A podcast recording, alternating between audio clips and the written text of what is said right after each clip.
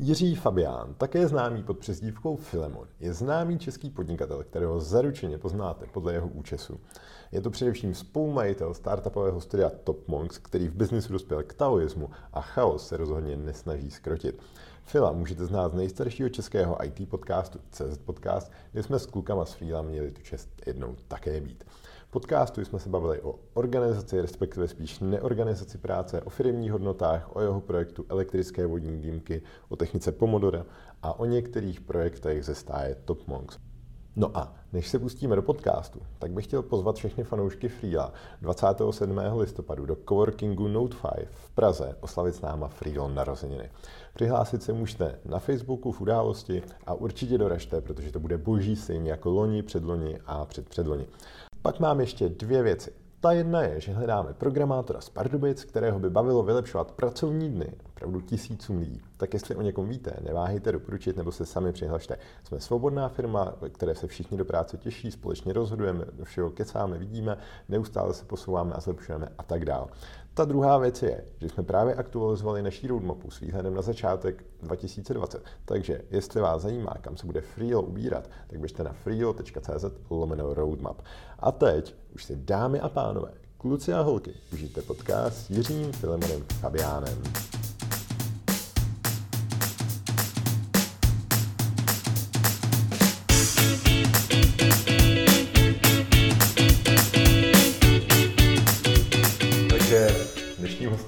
Podcastu z Podpalubí. Hmm. Na rok přesně od podcastu s tvým CZ podcastníkem, soubutníkem. S Dagim. S Dagim.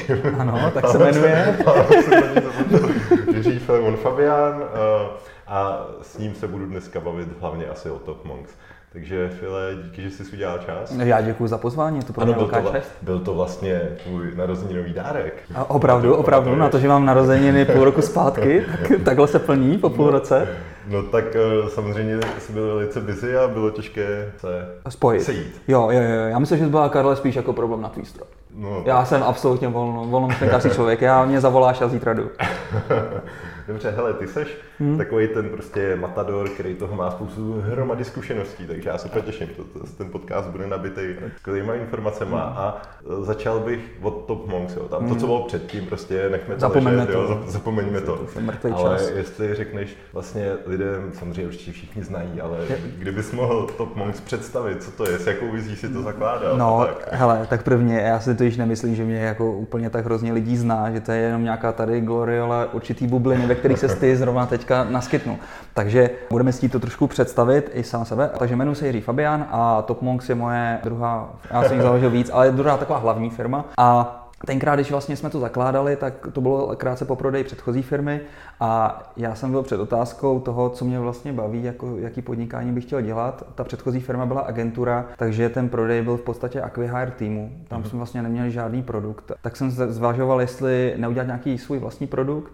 Nicméně to jsme si vyzkoušeli i v té předchozí firmě, jako takový site aktivitu vedle té vedle agenturní činnosti a zjistil jsem, že jako je to taková spíš pro mě černá díra, že to moc jako asi, asi neumím jako dělat ty produkty přímo, že by byl prostě ten produkták a, a prostě ten startup, který dělá fakt jenom tu jednu věc. No, tak jsem si říkal, že uh, možná takový způsob je, jak by to mohlo celý fungovat, je propojit tu zkušenost s agenturní činností a zkušenost vlastně práce pro uh, i startupy a vlastně udělat Topmons, což je firma, která investuje do startupů, ale ne formou peněz, ale práce pro ty startupy v iniciálních fázích, než je hotový nějaký MVP, než je hotový nějaký produkt, který, ze kterým může ten daný zakladatel jít na trh a za to si bereme share. Mm-hmm. Takže my zasponzorujeme v podstatě ten vývoj.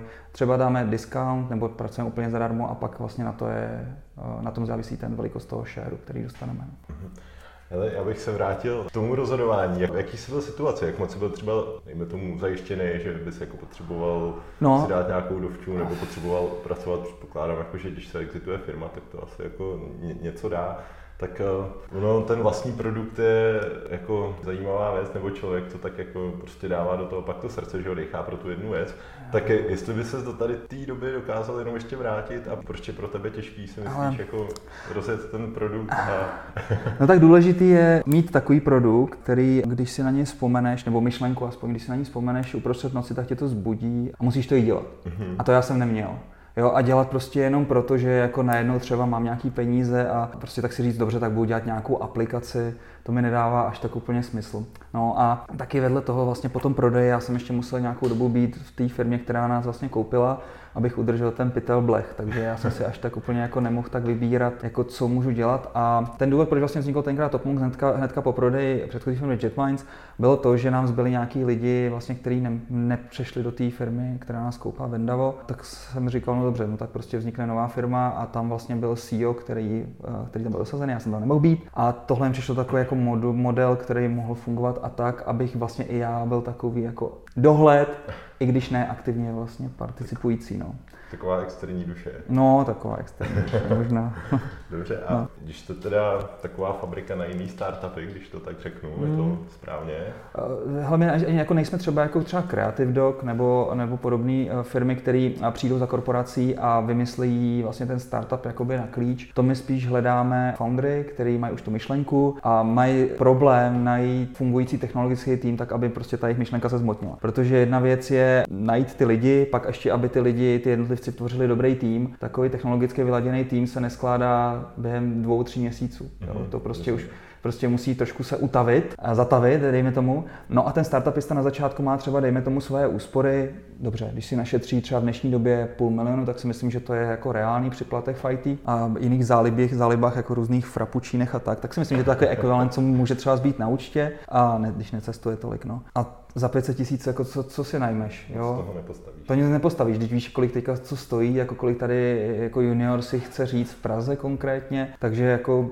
myslím si, že ta naše služba prostě má tu hodnotu, že aspoň se vyzkouší, jestli ta jeho myšlenka prostě, jestli on ji jednak umí prodat v tom, na tom trhu a jestli za něco stojí, jestli za to někdo hmm. zaplatí. Hele, a vnímáš při výběru třeba nového startupu, když si říkáš, hmm. hm, tak máme nějaký prostor, jako chtěli bychom do naší stáje teda přibrat nového klienta v podstatě. Mm. Na co ty se díváš a zaměřuješ? Je to, je to ten founder, je to mm. ten nápad, nebo je mm. to, hmm. že už existuje nějaká část produktu? Mm. Co tě tak nějak jako nejvíc ovlivňuje? Nebo to jsou nějaký trendy, co vidíš ve světě, že jo, tak teďka, teďka jako je krypto nahoře, takže o, budeme hledat... To je teďka takový mrcasí se trošku. Já no, to, to jenom tak jako příklad, jo, ale tak uh, no. jak, jak, probíhá třeba výběr něčeho takového a jak tak. se rozhodujete třeba v týmu, jestli jo. kdo všechno vybírá? No ono, ono, se to, ono se to vlastně vyvinulo. Samozřejmě na začátku eh, o nás nikdo nevěděl, neměli jsme žádnou reputaci, možná teďka už nějakou trošku máme, protože ty výsledky jsou super eh, na podobný vlastně eh, biznesy, které jsou ve světě, tak my jsme vlastně na 30% ziskovosti našich investic zatím bez jediného velkého exitu. Jo, já pak se dostanu k tomu, jak je vlastně ten finanční, jak vlastně fungujeme, ten náš biznis což je super. Ty ostatní startup studia, když se dostanou vlastně na tady tu úroveň, tak je to fakt jako bomba. Takže za začátku jsme to, to bylo vlastně hlavně o osobních eh, známostech.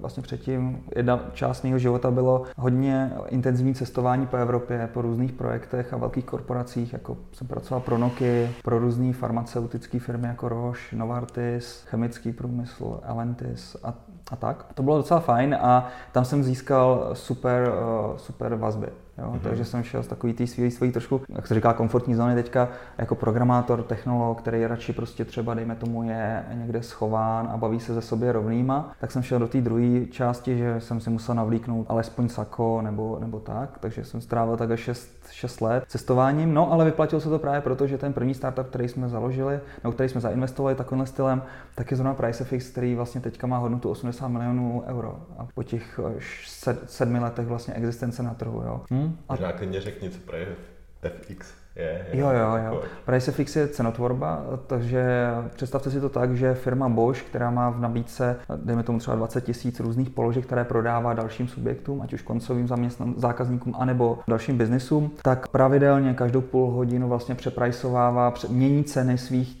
těch produktů pro toho jednotlivce až tak, aby to bylo pro ně optimální, aby prodala s co největším ziskem. Jo? A ono prostě, když tam vlastně na té ceně změníš to 1%, tak to je téměř 1% do kapsy, což je super. Jo? Takže je to vlastně oproti oproti třeba další tou, tou strategii, jak dejme tomu zvýšit a zvýšit zisk, je samozřejmě zkrátit náklady a to jsou zase jiný softwary, tady to je úplně vlastně nejefektivnější způsob, jak vlastně získat peníze. Jo? A je zajímavý, jak třeba tady to je doména samozřejmě třeba teďka se pohybujeme v retailu a tak, ale třeba i softwarové firmy, eh, když se s ním pobavíš, tak jako jak málo lidí je připraveno na to si vyjednat třeba novou cenu, jo? že vlastně furt žijou s nějakým statusem, který si nastavili pár let zpátky a, a tak, takže ta cenotvorba to je teďka jako docela zajímavá věc, takže, takže Pricefix je, je, celkem jede a mají to zajímavý klienty po celém světě. Teďka vlastně mají za sebou Series B investici, vlastně dostali nějakých, abych si nespal, 35 milionů euro, takže docela dost a mají zase runway na nějakou dobu. A třeba tenhle ten startup byl super v tom, že my jsme do něj v průběhu těch asi tří let, než se nám z něj vraceli nějaké peníze, tak jsme do něj zainvestovali asi 6 milionů korun ve vývoji. To je taky jeden z aspektů, vlastně, který nás odlišuje od třeba inkubátorů, jako je ala Startup Yard, různý takový ty akcelerátory, který tě vlastně pohltí tě na pár měsíců, naučí tě, jak pitchovat hlavně, spojit tě se zajímavými lidmi, což je super, ten networking. A třeba ti řeknou to, že děláš absolutní kokotínku a že je dobrý prostě trošku jako, jak takzvaně pivotovat úplně na začátku, na začátku je to levný. Takže to je dobrý, ale po těch třech měsících prostě tě zase vykopnou a zase starej se, plav, mm. jo. A někdy prostě to není dostatečná doba, většinou to není dostatečná doba, jo. Takže my jsme s tím startupem, když vidíme, že ten founder umí prodávat, že má tak na branku, tak zainvestujeme víc, než jsme třeba původně mysleli, protože teď vlastně od té doby už je to náš biznis a chceme, aby to bylo úspěšný, jo. Nehodíme tě přes palubu, no. No tak jasně, protože jste v tom v té pozici, že máte podíl, že jo? Přesně tak, no. Ale to pozor, toho... čím méně ty investoři dají, paradoxně, tím tějí drsnější podmínky. Jo? Prostě, já nevím, nějak to tak je, že jsou takový víc greedy a prostě investují své peníze, tak já to chápu, ne? Prostě my taky investujeme své peníze, ale je to přesně jenom přes tu entitu Topmonks, jo? Nejsou to moje kon- konkrétně jako úplně přímé peníze z peněženky. No, ale tady ty vlastně engine investory ty většinou uh, jako ti řeknou, no ale víš co, uh, tak dobře, tak další, další procenta mi dávej. Jo, už ti nedám, nebo ti nedám nic, prostě nemám už peníze pro tebe. A jsi vlastně takový docela jako takový nekomfortní situaci. Jo? To my jsme hmm. takový, že máme už nějaký ten buffer peněz vytvořený, takže nás tak úplně nezabije to, když, dobře, není to, nejsou to 2 miliony, je to 6 milionů, ten ta investice. Pokud to dává smysl, tak fajn. Takže tuto price jsme takhle investovali během tří let těch 6 milionů, ale pak se nám to začalo vracet zpátky, protože už tam byli první komerční klienti a hlavně pro nás se PriceFix jako takové stalo komerčním klientem, protože my jsme pracovali na těch projektech jako komerční zakázku, jo, už ne za podíl. Takže nám zůstává podíl a zároveň vlastně ten komerční klient. Takže v podstatě nám se už ta investice vrátila několikrát. Nemluvím o tom, že vlastně to jsem říkal, vlastně ten finanční model je takový, že když vlastně na začátku se nějaký ty procenta, tak aby ten founder nebyl úplně z toho takový celý špatný, že najednou prostě třeba přijde o 20% a co na to bude říkat venture kapitalista, když tam přijde v rámci velkého kola Series A třeba, že rozdal takovou velkou částku, tak mu říkáme klid, klid a my jsme připraveni na to, že polovinu toho našeho podílu typicky prodáme tomu venture kapitalistovi, tak aby vlastně neukryl tvůj podíl, samozřejmě trošku se mu dilutuje, zmenší tím jeho vstupem toho investora, ale hlavně si vlastně ukrojí z toho našeho podílu. A nám zase zároveň dá peníze. Jo, takže nám se vlastně třeba ta původní investice typicky vrací desetinásobně v rámci mm-hmm. Series A. A to je třeba do roka, do roka a půl. No. Jo. A jak to teda v podstatě je? Vy jakožto vývojáři vlastně, kteří jsou top monks a tak dále, tak pracujete pro ten startup no. a přejdou ty lidi jako do toho, třeba do toho price fixu, no, a nebo tak. jako, jak to jako je, protože Ale je to, Karle, samozřejmě super, super dotaz, jo, protože ten večer kapitalista, když přijde, tak samozřejmě se ptá po technickém týmu. Jo. Tak eh, třeba v případě Pricefix, Pricefix tam byla ta věc, že tam už byl od začátku CTO, takový technologický člověk, ale všichni ty, naši, všichni ty vývojáři byli vlastně od nás. Mm-hmm.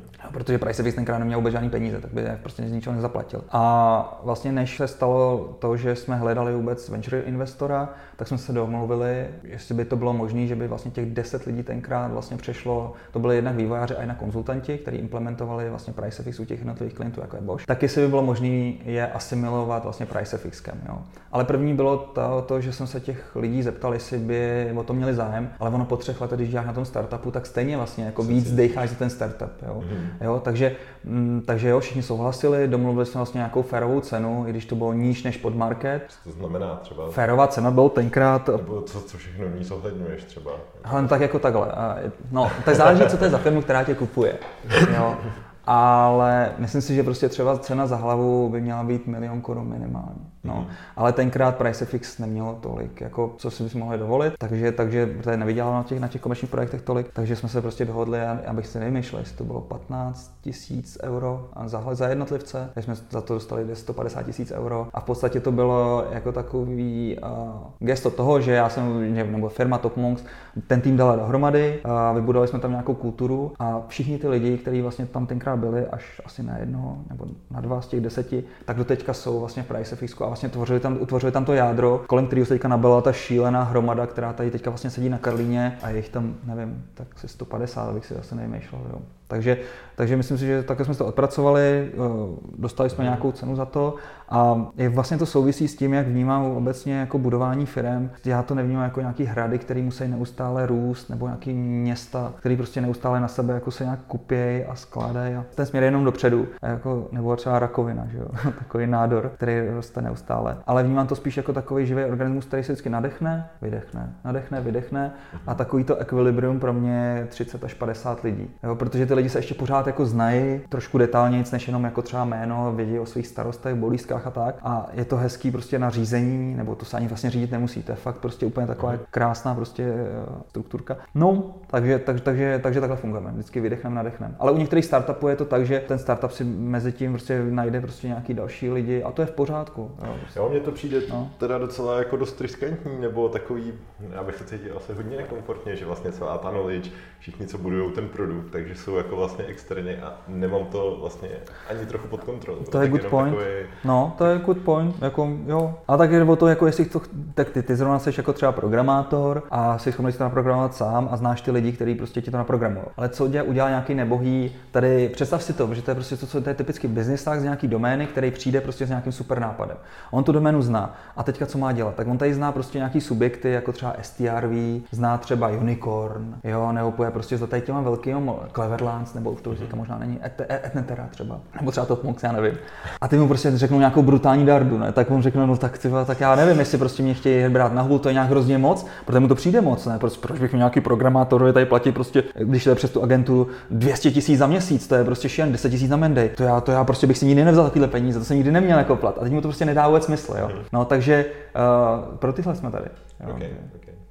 Ale a ty jsi mluvil o lidech, tak vy máte, přijde mi, že máte strašně hezkou firmní kulturu. Eh, že prostě, já jsem se díval k vám na web, že konstantně se prostě učit nové věci, no, učit ostatní lidi hmm. a tak dále, tak jestli bys eh, nepředstavil Ale. trochu tu vaší firmní kulturu, jak vybíráte třeba nový lidi do týmu, aby vás bylo těch 30 až 50. Jo, jo, jo, jo. vždycky, když to trošku vydechne, tak tam No, tak předně, to, co máme na webíku, tak to jsou nějaký principy fungování, jo. to není jako jmenuje se to company values, teďka je to strašně moderní, aby firmy prostě si hledaly své firmní hodnoty. Jo, já to vnímám prostě jako takový nějaký principy fungování, jak by se měly fungovat. Ale firmní kultura je pro mě to, co je vlastně ta realita, co je ten stín té firmy, jo, ten smrad té firmy, jo, když prostě se baví s těma lidma a tak to je firmní kultura. A to, to z toho webu nevyčteš, jo. Jsou firmy, které se o to snaží, jako Kokuma, který celkem dobře, zdravíme samozřejmě Petra Škondrojanise a Skondrojanise, uh, snaží se vlastně propagovat, propagovat tu firmní kulturu a nějak trošku dát jako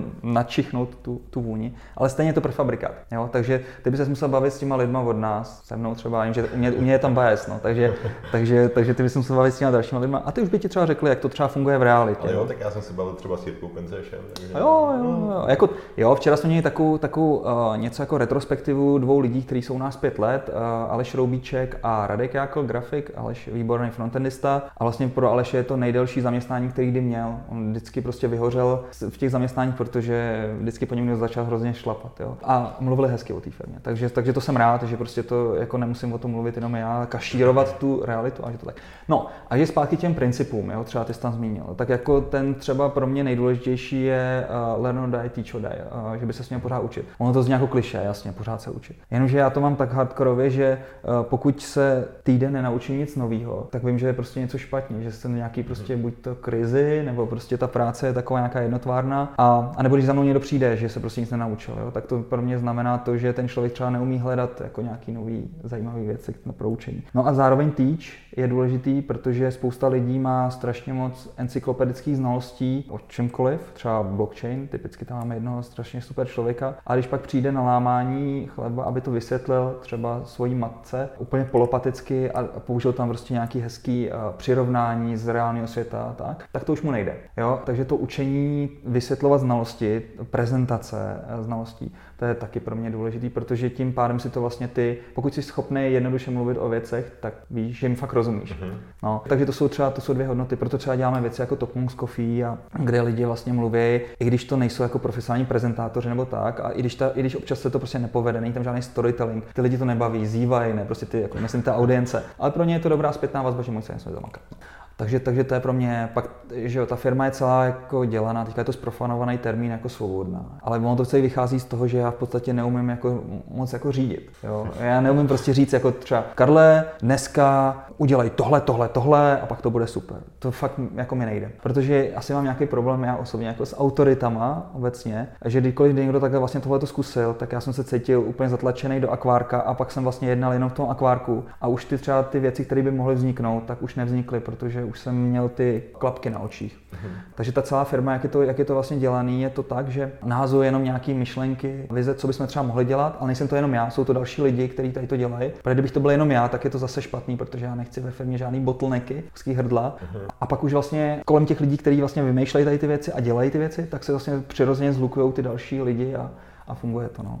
No, takže tam je třeba jedno pravidlo, měj entrepreneurskou mysli, podnikatelskou. Jo. Já mám vždycky vítám to, že když mi člověk řekne, hele, a ještě ve volném čase dělám tady prostě na nějaký hře a, a třeba to bude velký úspěch, ne? A tak se o tom pobavíme a třeba prostě do toho Top Monks zainvestuje a může to dělat v rámci Top Monks, jo. A nebo ne, nebo to je nějaká kokotínka, ať si to, klidně, ať si to klidně dělá po večerech a pálí, pálí na tom svoji energii, když chce. No. Jo. Takže prostě tady to podnikatelské myšlení. Proto třeba my zase Může to být prostě jenom nějaký bullshit jako někde na webíku, nebo takhle si to prostě ty firmy teďka většinou dávají třeba na recepci, aby každý viděl, jak jsou super. A nebo o tom mluví na prezentacích. Nebo ale, v podcastech. Nebo v podcastech.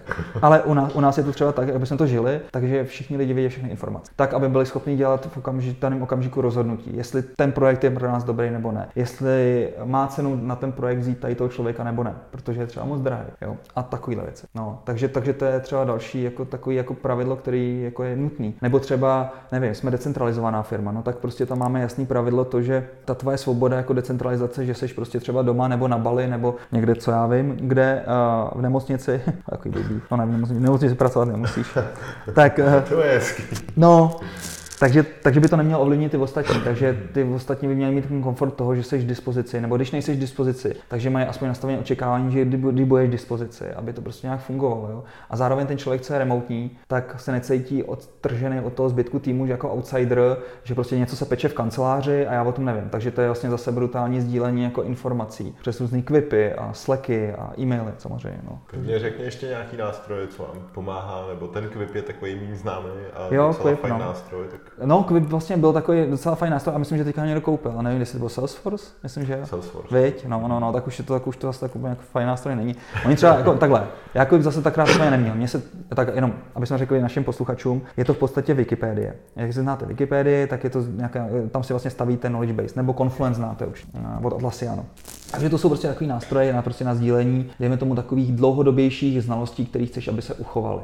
Jo. Každá informace má nějaký svůj vlastní cyklus, něco, na něco je dobrý Slack na sdílení, na něco je dobrý e-mail, na něco je dobrý Quip. A hodně častou chybou lidí, kteří se chystají implementovat třeba, dejme tomu, nebo nasadit takovýhle nástroj, jako je třeba Quip, je to, že teďka musí všechno v Quipu. A, dobrý, a e-mail už nebude. Nebo teďka musí všechno ve Slacku. A už nic jiného nebude, prostě už nepotřebuje e-mail. Hurá, bezvadný, lidi jsou všichni k dispozici, takže je pro mě úžasný. A než zjistí, že to prostě je absolutní kravina, protože ty každá ta informace má opravdu jiný life cycles, jinou důležitost. Takže prostě na něco je dobrý e-mail, na něco je dobrý Slack a na něco je dobrý Quip. No a Quip je dobrý právě na tu dlouhodobou eh, znalost znalost, že vlastně opravdu někdo se zamyslí nad tím článkem, že to není úplně jako garbage a ten chce prostě nazdílet s ostatníma. No. Takže tohle používáme, co ještě na sdílení. No. Ale co se týče uh, managementu projektu, tak uh, nemáme teda zatím freelo, No, tak můžeš mě klidně osejlovat tady. to zatím se vidí.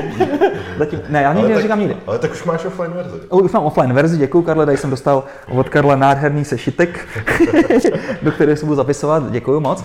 Mm, Já nejsem absolutně žádný radikál, co se týče uh, nástrojů, který mám. Vím, že vždycky se to může změnit. Vždycky jsem připravený prostě na to změnit uh, daný tool, pokud se na obje, objeví nějaký lepší, kde prostě ta cena, cena výkon. Jo, ale nám se to stalo prostě v extrému tak, že tenkrát, když byl třeba HipChat, tak uh, lidi odešli na oběd a po obědě už měli Slack. Jo.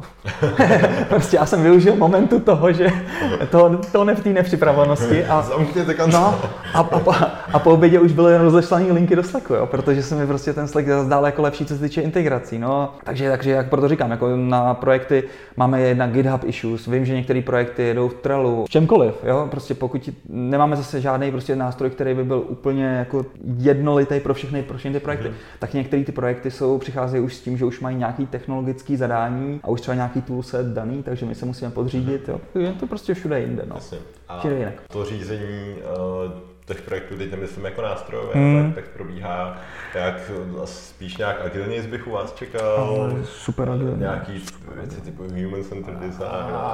Všechno, všechno tam máme, máme tam HCD, máme tam kambany. ne, ne, ne, mě, mě strašně baví to, když uh, ty věci vznikají a vznikají prostě kontinuálně. Uh, takže všechny, jak už jsem tady říkal, prostě nemám rád ty bottlenecky, nemám rád hromadění, i když jsem sám sběratel, takže to možná úplně tak teďka, teďka jdu proti sobě, ale nemám rád hromadění, hromadění třeba kódu, jo? nemám rád branche kódu, nemám rád prostě to, že se čeká na nějaký release několik dní, když prostě to může být na produkci. Takže taková kontinuální, kontinuální prostě sypání prostě kódu, hlava nehlava, sociální kódování, takže se prostě kóduje pořád. Já nejsem autor tady ty myšlenky, jako možná ze začátku ano, ale teďka je to u nás hlavně Aleš Roubíček, který vymyslel docela, myslím, že docela dobrou věc, v podstatě řídit lidi, na čem dělají. A my tomu říkáme dílna. Funguje to tak, že tam je nějakých asi, abych se nevymýšlel, 20 lidí, kteří prostě se můžou navzájem zastupovat. Uh-huh. A my, když třeba přijde klient a řekne, dobře, potřebuji tady tu věc, tak řekne, dobře, tam potřebuješ jednoho frontendistu, jednoho backendistu a třeba jednoho nějakého třeba UXáře. No a na normálních, v normálních firmách to je tak, že ty máš toho člověka ty jako od začátku do konce, furt toho samého. Mm-hmm. Víš, co se stane, když je nějaká nemoc nebo podobné věci. Takže u nás je to tak, že řekneme, hele, ty na to máš tady naši dílnu a my už si sami postaráme o to, že vlastně ta znalost je tam vždycky sdílena. Takže ty ostatní lidi v té dílně mají, mají povědomí o tom, co se na tom projektu děje, tak jsou schopní případně pomoct, jsou schopní naskočit, možná i něco zakontribuovat, když ten jejich projekt zrovna vypadne. A moc se mi tady ten koncept líbí. Samozřejmě tady ten způsob je není tak efektivní, třeba co se týče peněz, jako, jako to, když to máš takhle nalajnovaný, jako tu výrobní linku. Jo? Ale zase si říkám, že vždycky je tam ta úměra, že čím víc efektivnější firmu máš, tím víc máš svázanější a tím méně inovací a tím méně jako překvapení i těch pozitivních tam máš. Jo? A já jsem vždycky spíš tu firmu stavil neefektivně, ale výměnou za to, že ty lidi tam měli trošku volnosti navíc a, a vím, že mě vždycky to překvapilo. Vznikly věci, věci prostě, které já bych třeba nikdy nevymyslel a hlavně ty lidi je dělali. Jo? Takže ty můžeš nakrásně vymyslet věci, ale prostě, když ty to sám neděláš, jenom to vymýšlíš, tak to nikdo dělat nebude. Jo? Tady bylo hezký, že vlastně to vzniklo jako podhoubí eh, na různých místech, ať už třeba naše blockchainové aktivity a podobně. A ty lidi se najednou zhulkli kolem sebe a, a najednou to prostě nějak funguje. Jo? A nikdo neřekl, jako, hele, ty budeš šéf a ty tam budeš pracovat tak. Ne, prostě ty lidi se nějak dali dohromady, prostě který to bavilo. Chvilku to bylo neefektivní, chvilku se jako do toho investovali, řekli jsme si jenom, hele, dobrý, blockchainový studio, fajn, kolik chcete peněz prostě na rok. A schválili jsme si nějaký jako takový budget, ale ne, tak, že by se jako skončilo, když by se přes všechno, ale spíš jako taková kontrolka, že mm-hmm. pozor, dejme si pozor, jo? ale jako m, mm, brutálně neefektivní jsme, myslím, jo? Pro, z pohledu prostě těch klasických firm. Ale zase si myslím, že ty lidi tam jsou jako šťastnější. No. Což je taky důležité. Jestli to dobře chápu, tak nějaký extra specifikovaný deadliny na nějaký eh, release. A my se snažíme tak... to nemít právě. Jasně. Protože to, jako ten svět se vždycky tak jako divně jako zakřiví, prostě to vřeteno toho, toho projektu a vůbec těch reálí kolem nás, že to je jako věštění z koule, prostě to je klasická Jolana, no, prostě vidím velký špatný většinou. Jo, vždycky jako, tak, tak kdy to bude? No tak jako může říct, no tak nevím, tak za týden, no. jo, spíš jako je dobrý to říct, hele, mám na to tolikhle peněz, a co by mělo vzniknout to, aby se mi to prostě vrátilo biznisově. Jo, aby prostě my jsme byli partneři biznisoví. Nechci prostě, aby jsme byli nějaký indický house nebo nějaký ukrajinský house, který v podstatě jenom jako dostává requirementy přesně daný a ten je prostě nějak programuje. A... Vlastně nechcete být jenom prostě lopata, která bere Absolutně mě to prostě tady to nebaví. A tady ten styl, stranu. styl programování. Jo, protože co to je za biznis? To jsem si zažil právě v té agentuře předtím, i když fungovala bezvadně, to jak neříkáme. Ale mít jenom biznis postavený na tom, že zvedám revenue přesto, že mám víc projektů a víc lidí, kteří mi tam takhle sedí a, a implementují pro někoho něco, Mně to prostě nedává smysl. No.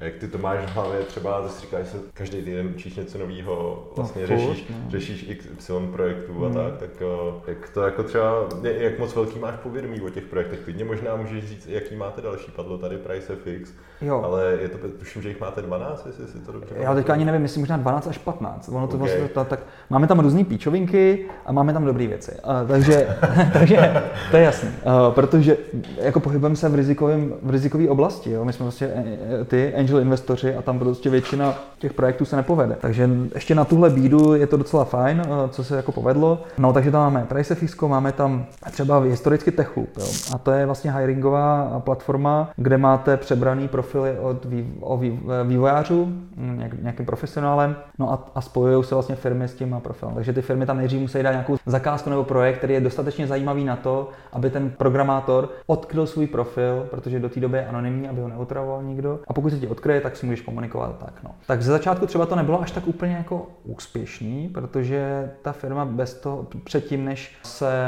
dobře verifikovala myšlenka na trhu, tak vlastně se najednou začala živelně růst, protože dostala velkou investici tenkrát od Rockaway a Springtide od Komárka a tak. Nicméně tím, jak dostali velkou investici, tak my vlastně, jak jedeme ten náš business model, jako toho, že jsme se zbavili, zbavili těch našich procent, my jsme na tom vydělali, jo, my jsme v pohodě. Ale tenkrát prostě to nebylo úplně, úplně super, oni teďka pivotovali a s chodou okolností teďka jsme vlastně si zaplatili subskripci v Topmonks, protože mi to přijde fakt dobrý.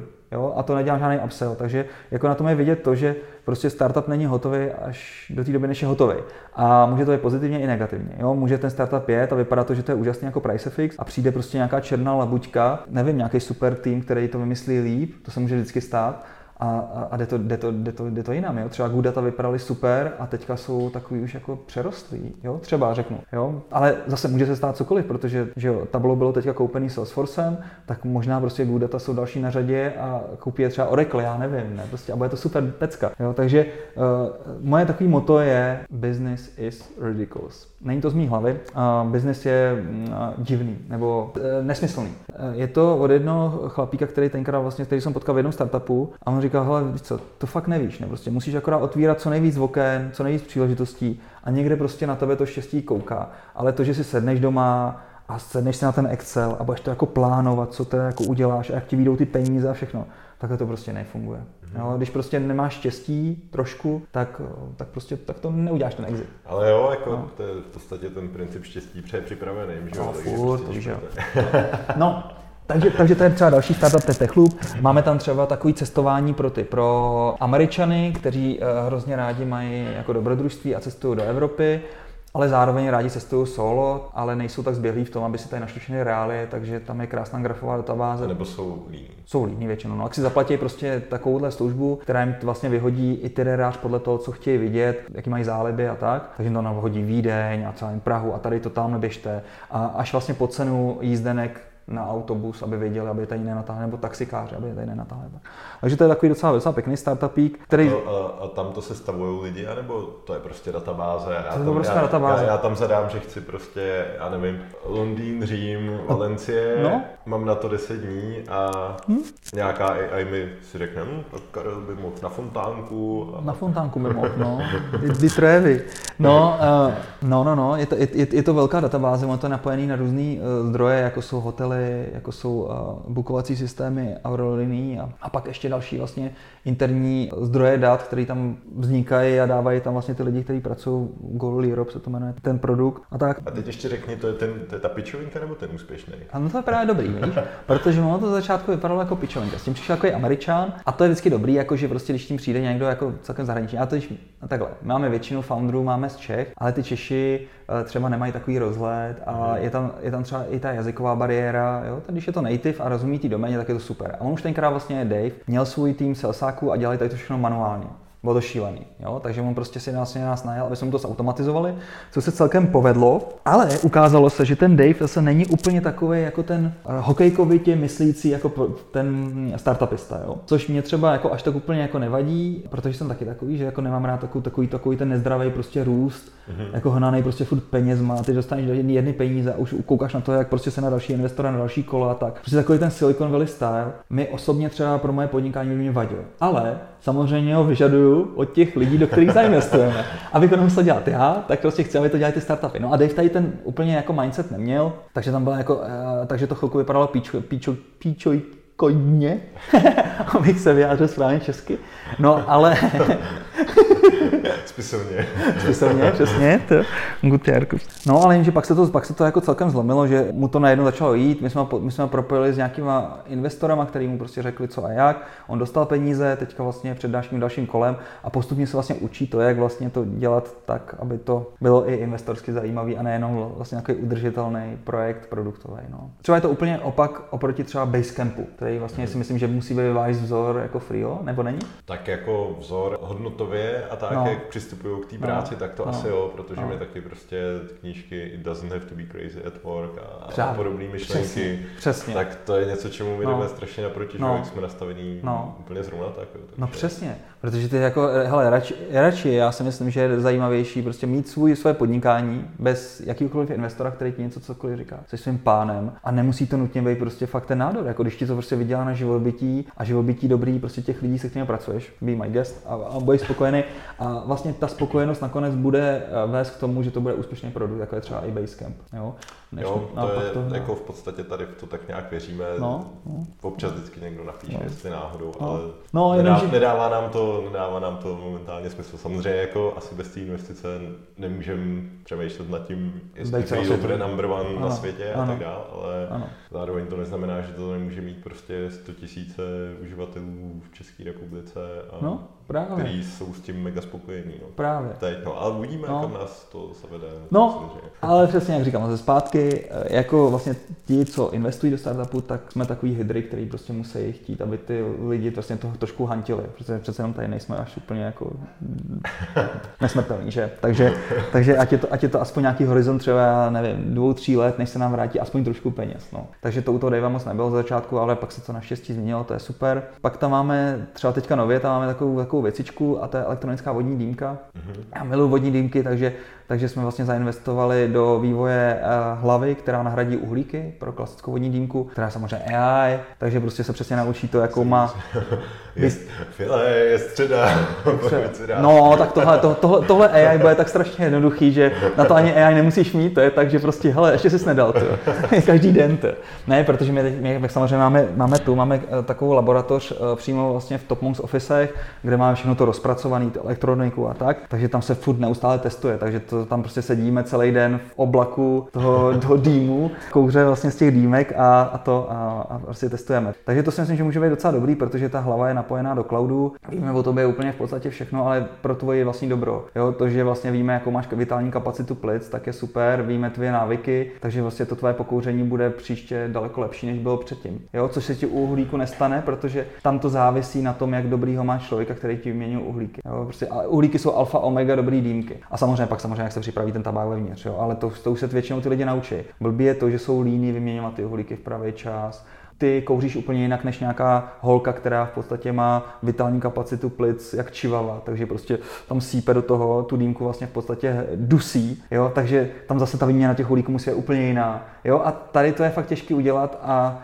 a ta, ta, ta elektronická hlava vlastně hrozně lidí to chce udělat. Jo. Hele, a není to pak takový, že jako, když budu šerovat tady tu linku, hm. že, že si ty data pokazím vlastně. Ne, nepokazí se.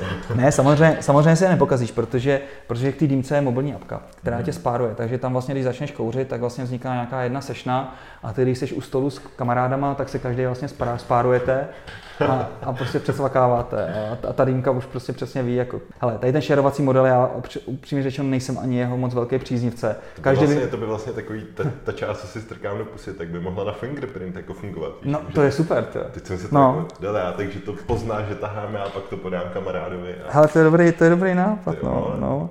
Dej to do backlogu. To, to, hodím, hodím to tam, hodím, to, hodím, to, hodím to tady do, do offline freela, to je docela dobrý nápad. Identifikace podle rtu, to je, Bůh, Bůh jestli to jde. To. No ale vlastně by to šlo, že by se vlastně tam hodili opravdu jako ty fingerprinty, že by se to vlastně dotklo. No to není špatný nápad, to je docela hezký. No, Dobrý. No a, a, takže to je třeba jeden z projektů, který teďka bude ven. Na konci, na konci října vlastně tady máme první restauraci, ve které bude první dva stoly zatím, hmm. jo, protože s, s tím je fakt strašný práce, jak to je vlastně hardwareový, tak to je úplně něco jiného než software. Takže ta softwarová část, tak, tak tam máme backend v TypeScriptu, eh, frontend v nějakém Reactu. No a mobilní appku k tomu máme, že jo, kterou teďka přepisuju do Flutteru, aby to prostě jsme měli i pro ten Android. By the way, z Flutteru jsem absolutně nadšený. Hmm. Absolutně super technologie, to je jako ideál pro takový uh, programátory, jako který vyhořeli už a, a pak, pak zase hledají něco, něco zajímavého a vidějí kolem sebe sami jenom ty reakty a hrůzy closure scriptový, tak, tak tohle je fakt super věc, Flutter. Takže tohleto, a to byla ta jednodušší část, ta hardwareová část, jo, to prostě jako mít tam ten, ty zdroje uh, stišený, pak ještě vlastně celý ty obvody dá dohromady, tu hlavu samozřejmě, uh, display k tomu, jo, prostě takže prostě speciální Full HD display, který bude zavrtaný ve stolu, stůl k tomu udělat, Jo, prostě to fakt není úplně jako no úplně to, easy, jo. To jsem ani nečekal, jako, že to potřebuje až tolik komponentů, no ne. prostě, že si vezmu dýmku a prostě no ne. v parku si jako potáhnu. A... No tak první věc, jako kdybyste to chtěli dělat v parku, tak musíš mít battery pack, který je celkem těžký. Ten taky jsme připravený na to, hmm. jo, že vlastně tam máš ten nějaký 24V prostě ten šílený pack, který je prostě těžký, prostě tam potřebuješ velký výkon na to, abys to rozehřál a udržoval. No. To je docela dost problémů, to já jsem si Strašně. předtím jenom říkal, no, tak jako, no, tak nebudu muset to, všichni no. už to mají v kapse jako ty no, že jo? Přesně, ale tohle není vaporizer. Tohle, tohle je prostě to, že připaleš vlhký tabák plný melasy a tam prostě musíš simulovat ten uhlík. A ten uhlík, ten má klidně 500 stupňů, tyjo, jako jo? tak a vlastně ty tam musíš prostě, eh, že jo, máš vaporizer, tak ten prostě nakrátko zapálíš, prostě ohřeješ prostě a udělá ti to dým a jedeš, no a zase vychladne. Aikvos, jo, ale tady to je prostě úplně jiná bestýka. Jo, tam prostě musí udržet tu teplotu, no, no není to jednoduché. My zatím vlastně nejsme zaměření na jednotlivce, chceme to mít zatím jako hardware a service, takže ty si v podstatě tu dýmku do toho klubu pronajmeš a podle toho, jak je používaná, tak nám platíš. No. Samozřejmě máte data. Tak... Samozřejmě máme data, máme všechno. Takže stačí jen napojit kartu. A... No, napojíš kartu a jedeš. no, tak na to se těším hodně, protože my jsme takhle cestovali uh, Kazachstán, uh, Japonsko, a všude jsem viděl tu obrovskou příležitost. Že vy jste v tom Kazachstánu lovili nějakou tu ženskou pro tvýho no, eh, kamaráda. No, to, to, je můj, to je můj jako vzdálený bratranec, který je takový, eh, že to, že zatím ještě prostě si bohužel neměl to štěstí, že si našel tady nějakou šikovnou cérečku českou, tak jsme si řekli, že by, že by bylo docela fajn, že bychom mu tam domluvili tu ženu. No. A jo, to, to byl jeden, jeden z takových site eh, jako úkolů pro Kazachstán. Vedle samozřejmě prostě studia dýmkování vlastně v Almátě, v Astaně a toho, jak fungují vlastně ty podniky tam. Byli jsme v Kyrgyzstánu se podívat v Biškeku, protože to bylo vlastně jenom přes hranice, tak tam jsme taky viděli jako obrovská příležitost. Jako nemyslím si to představit jako nějakou zaplivanou čajovnu, jako většinou čajky tady s tou dýmkou, prostě to byly ty klasické egyptský, že jo, s těma šlauchama, ve kterých se držely ty hnusy všechny. Tohle je prostě exkluzivní záležitost. A myslím si, že to půjde jenom nahoru, no, tím, jak zakazují, zakazují kouření. A, no, tak uvidíme, než nám zakážou šíšu. No, pak, Hele, ale asi. kam si teda na to ty lidi můžou dojít? Jsi to možná neříkal. Jo, jo, tak ten první klub bude Loft, 8, Loft N8 uh, v Nekázanka 8 tady v Praze, je to u Příkopu. Určitě zajděte, já doufám, že to tam bude vlastně od toho začátku teda listopadu, samozřejmě může se všechno posunout. Uh, opět jsme zpátky u té Jolandy, jo, že velký to bude nějak. Takže na jaře, jo. Takže na jaře třeba možná, no, uvidím, ne, ne, ne, to určitě ne. My jsme si, my jsme si dali fakt jako ty, ty nějaké deadlineíčky, jenom tak, že bychom si, bychom si to přáli. No, když se tam stane něco, že nám prostě něco vypadne, tak se může stát, že to bude trošku posunutý. Každopádně v tom klubu to bude a uvidíme, bude Myslím si, že to bude zajímavý. Každý, kdo to zatím měl, a třeba i ani nebyl to kuřák, tak říkal, že to je fakt super, že tam vlastně necítí žádný jako tabák, nebo tabák samozřejmě cítíš, ale jako, že jako nikotín, že to netrápe, uh-huh. že tam prostě cítíš jenom chuť třeba těch borůvek a tak, ale fakt intenzivní po dobu hodiny. Jo. Což prostě se tě u normální dýmky, jako jestli chodíš na dýmky, tak se ti prostě moc často nestane. Ani jako, ani jako nejsem úplně ta cílovka, ale, Opravdu? ale tady na to si dojdu už jenom kvůli no. No, no, no. Hele, uh, jsi z toho teda fakt nadšený, musím říct, jako úplně z pookřálek si o tom začal mluvit. No tak, jasně. Hele, tak schválně ještě, jsi, jak jsi mluvil o tom vzdělávání, tak z čeho jsi třeba ještě nadšený dál? Co jsi třeba naučil, co jsi přečetl nějaký knížky nebo něco takového? No, tak. Ti něco namysl? Aha, no, jako takhle. Nejsem ten, kdo šermuje znalostma, takže vytahuje prostě citáty, prostě co kde četl v jaký knížce. Jo? Asi nejlepší knížka, kterou jsem teďka četl poslední dobou, protože inklinuju spíš té východní nauce a vůbec jako východní kultuře a tak. Přijde mi, že ta západní je taková zaměřená na čísla a na procesy a tak. A já jsem spíš prostě na tu duši, na to, že prostě vnímáš ten kontext kolem sebe a vnímáš prostě ty lidi kolem sebe a místo toho, abys prostě měl nějaký pravidla, jak ty lidi vnímat. Jo. Prostě ta, ta západní kultura je vždycky jako tak nějak jako přes ruku, že prostě znásilňuje to naše lidství do nějakých procesů, pravidel, který ti říkají to, jak se máš chovat. Jo. Ta východní kultura je taková, že nevím, tak typicky se to jako ukazuje třeba na té křižovatce, na té dopravě. Že? V dopravě ve výcho, eh, třeba ve Větnamu, kam jezdíme často, a kvůli mé větnamské ženě, tak uh, za rodinou, tak tam prostě staneš na motorku, asi součástí prostě toho davu, ani prostě nevidíš, prostě, že můžeš jít do jednosměrky, můžeš jít na červenou, nebo prostě když, nikoho, když se nezabiješ, ty nikoho neohrozíš. A je to v pohodě, ne? Tady lidi jsou zvyklí prostě stát na křižovatce eh, na červenou, když jsou tam sami na té křižovatce. Tak já jdu. samozřejmě jezdím jenom tam, kde nejsou semafory, ta semafory, ty kamery, protože samozřejmě nebudu platit jak můrovatý pořád tady systému. O, to je zase další, jako, jak by to, to, se, to, to se nebudeme pouštět, to se nebudeme pouštět, tak přesně, to jsem, to jsem chtěl říct. Jo? Takže poslední knížka, kterou takhle vlastně mě bavila, tak to bylo takový pojednání vůbec o taoismu, Lao Tzu, jmenovalo se to Prázdný člun a bylo to vlastně od přístupu k životě takový, že v podstatě bys měl být fakt jako nikdo, prázdnej.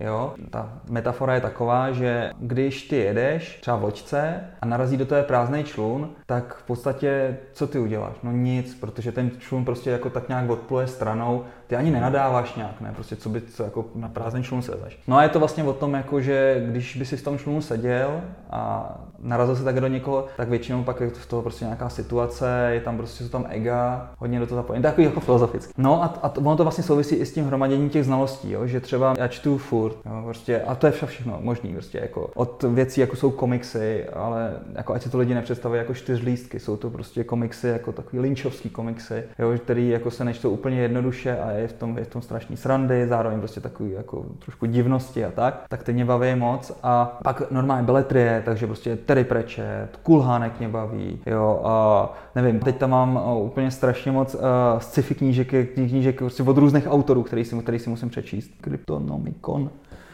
tak uh, třeba jeden z nich. No, pak, pak se samozřejmě literatura, která souvisí s tím, co dělám, tak mě bavilo vždycky jako dělat ty firmy trošku jinak. Tak třeba teďka poslední, poslední knížku, kterou jsem měl na Kindle, tak je eh, Phoenix Project, což je vlastně takový ukázka toho, jak i taková zazmrděná korporace s takovým celkem jako divným manažerem, hodně takovým jako uzurpátorským, se může přeměnit vlastně v Kanban firmu. Jo? Hmm. Takový vysvětlení ty Kanban principy, ale fakt hezky. Jo? I když mě teda nesedí absolutně ten člověk, na kterém je to vysvětlovaný, a, ale tak prostě přesto jsem se musel překousnout. Pěkný, no. Takže třeba to byla knížka, prostě která souvisí. Pak obecně vlastně knížky, které jsou jako prorůstové. A e, jenom uh, nějaký principy z té knížky, kdyby se ještě vytáhnul, jak se k tomu.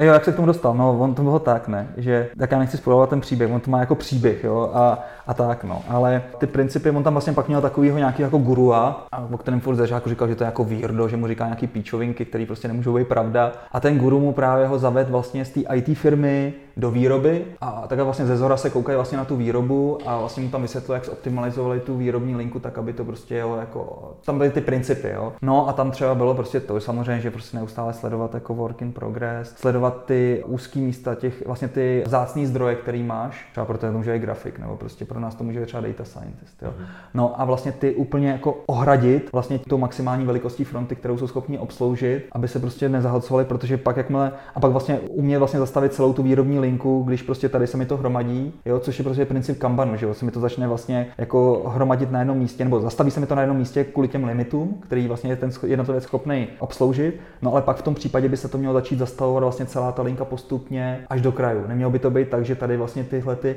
začátky jedou hlava nehlava a sunou to tam a tam to prostě padá na hromadu, že jo. No, takže o tom je Kanban přece. No. A, a to tam je pak hezky vysvětlený právě na té výrobě a vůbec to, jak to třeba pak vysvětlovat ještě uh, stakeholderům, takže vlastně nějakým vyšším manažerům, proč je důležitý vlastně do toho zatáhnout biznis, že to fakt nemůže dělat prostě jenom jako v IT, že musí celá ta firma prostě takhle jet, jo. Takže, takže hezká, knížka, úplně čtivá, já jsem měl vlastně, uh, že jo, Luli a, s, a s dětma jsme jeli eh, do Itálie, no na jak dlouho, na pět dní, no za dva dny jsem měl přečtenou pod olivovníkem jsem tam přečet. I, i přes toho divného člověka, který vlastně jako se tam jako ten kampa nakonec naučil, ale to byl tak strašně natvrdozní člověk, že eh, opravdu jako, a ještě to byl nějaký jako povoláním původní jako voják, který pak dělal manažera, ne? což teda pro mě byl fakt fakt jak, jak červený hadr na, na bejka, ne? protože to jsou přesně takový ty lidi, kteří jsou hodně, hodně jako utažený. No. Nevím, ale třeba občas tam zahodím třeba knížku, jako, která je hodně tlustá, ne? záměrně, ne? protože uh, zase lidi teďka mi přijde a já to taky sám na sobě vnímám, že si, jsem si radši vybíral prostě ty ten, tenčí věci, jo, že to mám rychle za sebou a odškodnu si to a pak prostě jdu na další kousek a prostě v té kvantitě je ta, ta síla. Jo. No vůbec, vůbec. Te, jo, uh, takže tam hodím prostě nějaký třeba, teďka jsem měl jsem tam Atlasovu spouru, tam měla prostě, ty nevím, asi 11 stránek. Jo, teď mám ten Cryptonomicon, ten má prostě 900 stránek, jo, prostě takovýhle jako těžší věci, no. Jako, Když mluvíš o tom krypto... Nomicon. Nomiconu, no. děkuju. Vy tam máte taky uh, pod Top Monks nějaký blockchain, nějakou blockchain větev no, a tak. No, no, no. Pověz teda ještě něco třeba o tomhle, co tam máte třeba za projekt, nebo možná tam se nabízí, jestli třeba i nějaký fejlíček v něčem. Nebo, fejlíček? Nebo... No, tak, uh, hele, takhle. Já kryptoměna obecně věřím a nebudu se pouštět prostě nějaký, do nějaký hmm, prostě tady jo, jo. polemiky, proč jo, nebo proč ne.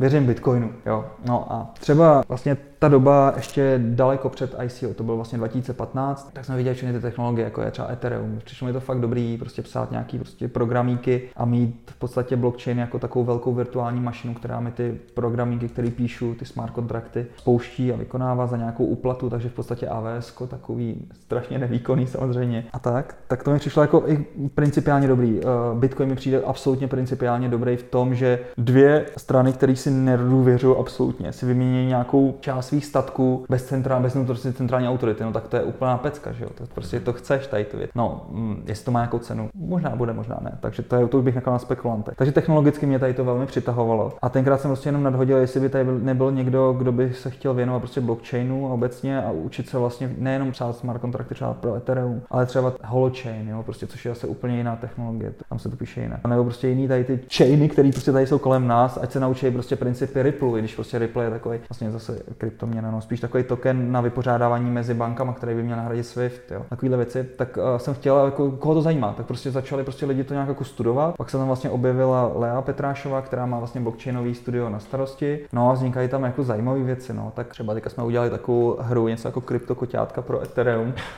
Crypto Island a pro jednu takovou úplně šílenou číňanou američanku z New Yorku, která byla úplně fakt hustá. Prostě ta, ta byla schopná prostě na dálku ten tým tak zkontrolovat, tak rozjet, že všichni makali na 16 hodin denně, až toho skoro vyhořeli všichni. Jo. Ale jako vzniklo to, je to krásný pixel art a v podstatě tam, když nějakou postavičkou zkoumáš, proskoumáváš svět a můžeš si tam prostě za, za Ethera koupit nějaký vybavení. Jo. Takže samozřejmě pak to, to prostě je hraný jako pay to win a je trošku hazard pro ty lidi, kteří do toho chtějí dodávat ty peníze peníze, jinak je to freemium. No. Takže třeba tohle jsme teďka udělali takovou, jako to není žádná moc velká komerčárna, to chápu. Pak jsou tam různě nějaký platební systémy. Já bych si jako teďka přesně nevím, co tam mají za ty projekty. Dělali jsme třeba tu Xixoyo platformu, což je firma pro tokenizaci firem, nebo projekt pro tokenizaci firem, takže ty třeba přijdeš s freelem a řekneš, že chceš dluhopisy a vypsat prostě jako no, ty dluhopisy, tak oni tě čeknou a vlastně vydají tokeny tvoje a ty vydají, takže to bylo taková ta doba ICO, akorát, že s tím, že tam není jenom vlastně za tebou ten white paper, ale je tam vlastně člověk, který tě zkontroluje, že vlastně jsi jako legit a že za něco stojíš. Něco jako kdyby se na třeba mi top dali razítko, že jako jsi dobrý a že by do toho měl investovat. No. A kdy teda se zbavíme keše a normálních peněz, věř, nebo věříš úplně něčemu takovému, že se, se dopracuje lidská společnost k nějaký decentralizovaný měně? No, tak tomu nevěřím, protože uh, decentralizovaná měna jde přímo proti státům a lidi prostě mají z nějakého, takže jsme tady u toho tématu. to radši No právě, to by bylo se na dlouho, ale to nechceme tady. A nemyslím si to. Myslím si, že tady bude Bitcoin. Vedle toho třeba věřím hodně Moneru, protože ty anonymní featurey Monera tak vlastně, kteří jsou tam úplně zadrátovaní od začátku vlastně do toho protokolu, jak tam vlastně fungují transakce, jak tam funguje ta kryptografie, tak to Bitcoinu není. A nevím, jestli to bude jako v dohledné době implementovat, takže si myslím, že třeba tady ty dvě měny pro mě mají teďka velký smysl. Ethereum vidím jako teďka zajímavý pokus, ale vnímám to, že vzniknou podobné věci třeba nad Bitcoinem. Jo, takže to je jenom takový krátkodobý. A bude to furt tak jako vedle jako třeba zlato nebo podobně, jo, prostě další komodita, která bude mít jednou cenu 8 tisíc, jednou 200 tisíc, jo. Jako podle toho, jak se kdo vyspí. Pomalu, ne, ono to půjde furt nahoru samozřejmě, protože to je deflační měna, ale... ale a tak ještě ne, chvilku něco o tobě. Máš a. třeba ty nějaký rutiny, že jsi takový jako rozevlátej a tak dále, ale máš, máš mm. ve svém životě nějaký pevný body, mm. že si děláš nějaký pravidelný review, nebo něco týdně, měsíčně, ročně, nebo jak funguješ? Jo, vypadám jako rozevlátě, ale myslím si, že mám celkem jako docela návyk jako denní. Tak třeba vstávám v pět hodin, jo? když nejsem nemocný, nebo, nebo když mm. prostě se neděje něco, jako že vstávám třeba ve tři hodiny jako dneska. Takže proto jsem takový možná trošku teďka takový naspíděný, jo, paradoxně, protože jsem jako takovým jako zvláštním stavu. No, takže v pět hodin stanu a pak v podstatě mám takovou jako dálnici, kdy mě nikdo neotravuje a můžu si dělat různé věci. Takže to většinou investuju do toho, že zkontroluji všechny svoje hry, které hraju, a protože většinou jsou jako nějak časově založený, takže mi tam třeba se natěžilo něco nebo, nebo tak, tak to všechno sklidím. No, takže využiju ten úžasný čas, který mám. Efektivní čas. Investuješ. No, no, no, no, no. Přečtu si něco, že jo. Blesk. Ne, blesk, blesk, blesk ne, blesk, blesk nečtu. to úplně ne, blesk nečtu. Ale třeba dřív jsem hodně četl Twitter, pak mi se mi Twitter úplně zhnusil, protože ty lidi tam začali řešit strašně politiku, mm-hmm. strašně uh, mi přišlo, že začali být negativní, dávat negativní třeba hodnocení firmám, jo, prostě využívali jenom tu sílu toho, že prostě někde veřejně to, to vidět. vidět. Jo, jo. Já to prostě tak nesnáším tady to, jo. Prostě to mi přijde tak strašně sráčský, jo, že prostě někdo přijde hele, tak třeba teďka mám tady čaj od Kosty. Tak teda Kosta, teď se mě, teď mě ten čaj teda fakt jako naštval. Jenom jeden pitlíček, prostě jak si to můžete dovolit. A teď samozřejmě tam je prostě zaměstnaná nějaká chudák holka, která prostě tam musí prostě udržet jako tu dobrou, dobrou prostě gloriolu, prostě aureolu kolem, kolem Kosty, tak musí říct, a ah, to nás velmi mrzelo. Tak tady máte teda voucher a můžete si k nám skočit na další čaj a už věříme, že bude dobrý. Říkám, ty jako kde to jsme, tady to ne, prostě, to se mi absolutně prostě tady to. A začalo to dělat strašně moc lidí. Takže první věc vlastně a, a, a další věc, že Twitter, já jsem tenkrát používal hodně klienta od Twitteru, tak mi tam začal podhazovat takový ty příspěvky od lidí, které já nesleduju, ale byly lajknutý. Jo. Takže to bylo takové najednou vyhřezlo na světlo denní strašně moc lidí, takových těch attention, attention horse, ne prostě, který píšou takový ty smyšlený příběhy ze života. Jedu v tramvaji a vidím Černocha a on měl třeba, a něco prostě řekne, a je to něco nějaký jako moudro, ne? A ty víš, že ta historka se nikdy nestala, ne? Mm-hmm. A já tady ty lidi prostě nesledoval, vždycky jsem je prostě dával pryč. Jenomže bohužel, občas to jsou tak hrozně chytlavé věci, že ty lidi, kteří já sleduju, jako třeba Michal Ilich, Michale, zdravím tě. Ten to dělá ze železnou pravidelností, prostě vždycky lajkoval tady ty pičoviny. To byly ty blondětý běhny a sibiřanky a podobný prostě divný účty, ne. Nikdy z nich nevypadne nic, prostě co by tě mohlo někam jako posunout. Ale podobný slinty pořád ne. Belmonde, nebo jak se jmenuje, Bulmonde, ne. Když jsem to viděl, no to je jedno tak to, tak, tak jsem prostě ten Twitter přestal číst, protože jsem říkal, tak to fakt není možný. Ne? Prostě. A do toho ještě reklamy o Twitteru. No ale teďka jsem vlastně se zpátky ten Twitter objevil, protože jsem si nainstaloval klienta Twitterific, který to krásně tady to všechno od, čistí. odčistí, jo, takže mám vlastně ten čistý feed od těch lidí, kterých chci sledovat. Když mě někdo nebaví, tak ho aspoň tak mu dám nějakou periodu, třeba na 30 dní, že ho zamutuju, což umí. Jo, mám tam zamutovaný témata absolutně politika, Trump, Babiš, prostě podobný píčovinky. Greta teďka jsem se tam hodil, protože mi to taky nebaví. Ne? Prostě, jo? A ať to je prostě, ať to fakt dává nějaký smysl, ať je to prostě jako posune, no. Takže, takže ty lidi, kteří sdějí hezký myšlenky a třeba jako nějaký návody na tooly a tak, tak to si třeba, to, to je to, co teď vlastně dělám jaký ráno, že vlastně si přečtu Twitter, no. Zase mhm. zpátky. Takže nějaká ta prokrastinace, tak no, teď, teď je třeba... To není prokrastinace, co blbneš, ty. Teď víš, já jsem, já jsem, já jsem lítající ESO v Hawku, ty. Jaká prokrastinace, ty. to je business, to. Víš, kolik má ten účet cenu, ty. Podle mě, kdybych teďka šel, tak ho prodám, ty. Easy, ty. No. Dobře, a co, co to teda dá? Pak snídaně. jsem se vlastně na ty návyky, Pak snídaně, nebo... snídaně, a já se snažím jako žít takový jako zdravý život, takže prostě takový jako ty klasiky. vaří vůli, no. Tak, uh, tak vajíčka, že jo, jako, a to já si dělám i třeba sám, taky občas, a nebo prostě minimalistická snídaně, prostě nějaký, co není jako pečiva, to je prostě základ, mm. hodně jako chutný pečivo, když už teda, no a k tomu ty vajíčka, třeba nějakou slaninku, hotovo, eh, zelený čaj, kýbl zeleného čaje, protože na to jsem teda fakt asi, bohužel asi už závislý. No, už vím, čím jsi nastřelený. Šílený, to je jako, to já jdu, to já jdu vlastně celý den vlastně ty čajky, ne, prostě, takže to začne prostě nějakou hezkou jako senčičkou, no a pak už to prostě jede v rychlém sledu, hnědý, zelený, já vím, že to není dobrý pro mě ledviny, já vím, že to není dobrý pro mě játra. Milí posluchači, nedělejte to, bohužel prostě ten čaj je takový asi můj jediný taková, taková věc, kterou tu. No a pak vlastně záleží, jestli potřebuji víc dětí do školy nebo ne, jednoho teda, a pak jdu do práce. Já, já jsem si vlastně, to měl taky periody, že mě bavilo chodit do, do ofisu, pak mě to nějak přestalo bavit, protože mě ty lidi strašně otravovali. Jo, to bylo takový období, že když jsem to přednou přebíral Top Mouse, protože jsem jako nebyl začátku síl, tak tam byl ten středobod, kolem kterého se to vlastně všechno jako tak nějak zhušťovalo. a to bylo najednou prostě strašně moc různých requestů a ty lidi prostě chodili i mrvére. Jo. Já jsem se, já jsem se snažil to trošku jako odfiltrovat eh, pomodorem, a což je technika výborná. A hlavně měl jsem tam vlastně tenkrát takový jako hodinky. Tak jenom možná v rychlosti, že jde o těch 20 rychlá, fokusová, prostě fokus, rychlý vlastně technologie vlastně na to, abyste měli fokus, což je v dnešní době super takže máte 20 až prostě x, většinou jako další, další, další nemá cenu, jo. tak já mám třeba 25 minutový okno, kdy se plně soustředíte prostě na tu věc, kterou chcete dělat. Jo. A neberete telefony, vypnete ideálně, nekoukáte na maily, nekoukáte na Facebook, na Instagram, na nic nekoukáte a jenom prostě se fokusujete. Je to docela dobrý a mě to baví. Jo. No, Někdo a... si plánuje, že nějaký úkoly bude dělat na tři pomodera a tak dále, tak je to Aha, to je zajímavý, to je a zajímavý. teďka od Melvilla vyšla i vlastně knížka o Pomodoru, Aha, takže to hezky, tak hezky. To, no, sorry, no, tak, ale... To, ne, to, to, je pěkný, to je pěkný. My jsme vlastně dělali nějaký apka na, apky na Pomodoro a pak teďka mám, vlastně jak, k čemu jsem dokonvergoval, je to, že mám uh, takový ty hodiny Lametrik, který koupíte normálně v iStyle a tak, jsou teda drahý. Možná koupíte nějaký čínský klon, který bude úplně stejný. Ale ta výhoda těch Lametriku je v tom, že oni mají hrozně moc integrací, takže pak na webíku je to opravdu jenom o nacvakání si. Já tam mám třeba nacvakaný to, že jakmile si přepnu Pomodoro, tak vlastně lidi vidějí to, jak dlouho mi to Pomodoro trvá, že tam je, že je červená a vlastně mají nastavení očekávání, že za těch třeba 20 minut budu ready. Mm-hmm. Jo, takže přijdou, tak řeknou, aha, hm, tak jo.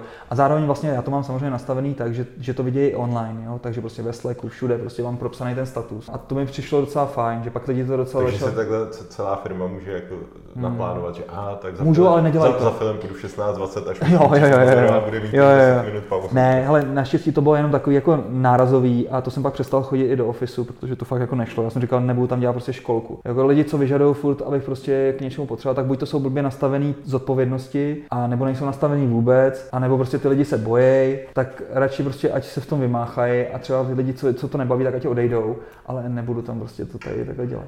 No počkej, a tak ne, nebylo potřeba to spíš nějak řešit, jako, nebo ty jsi no. jako nechal ten organismus jak... Jo, vyřešil, vyřešil se to tak, že jsem to přestal jako takhle úplně řešit a, a, v podstatě ty lidi si museli vzít jako ty zodpovědnosti, protože viděli, že najednou snídaně, které byly pravidelné, tak najednou se neděly. Jo, najednou prostě někdo se nestaral o to ponskofí, najednou prostě někdo se nestaral o tamto, o tamto a organicky si ty lidi ty věci vzali. Jo, a dokonce pak jsem se dozvěděl, že tam byli lidi, kteří jsou jako citlivější, dejme tomu v té firmě, a ty se vlastně sešli za mýma zárama a řekl, hele, tohle není možné, aby prostě ten film řešil takovýhle píčoviny, jako prostě od náboru po finance, po tamhle to, pojďme to udělat ne. A úplně za, za, za mýma zárama se vlastně domluvili to, jak to vlastně si rozházet a to mi přišlo pěkný. To jo.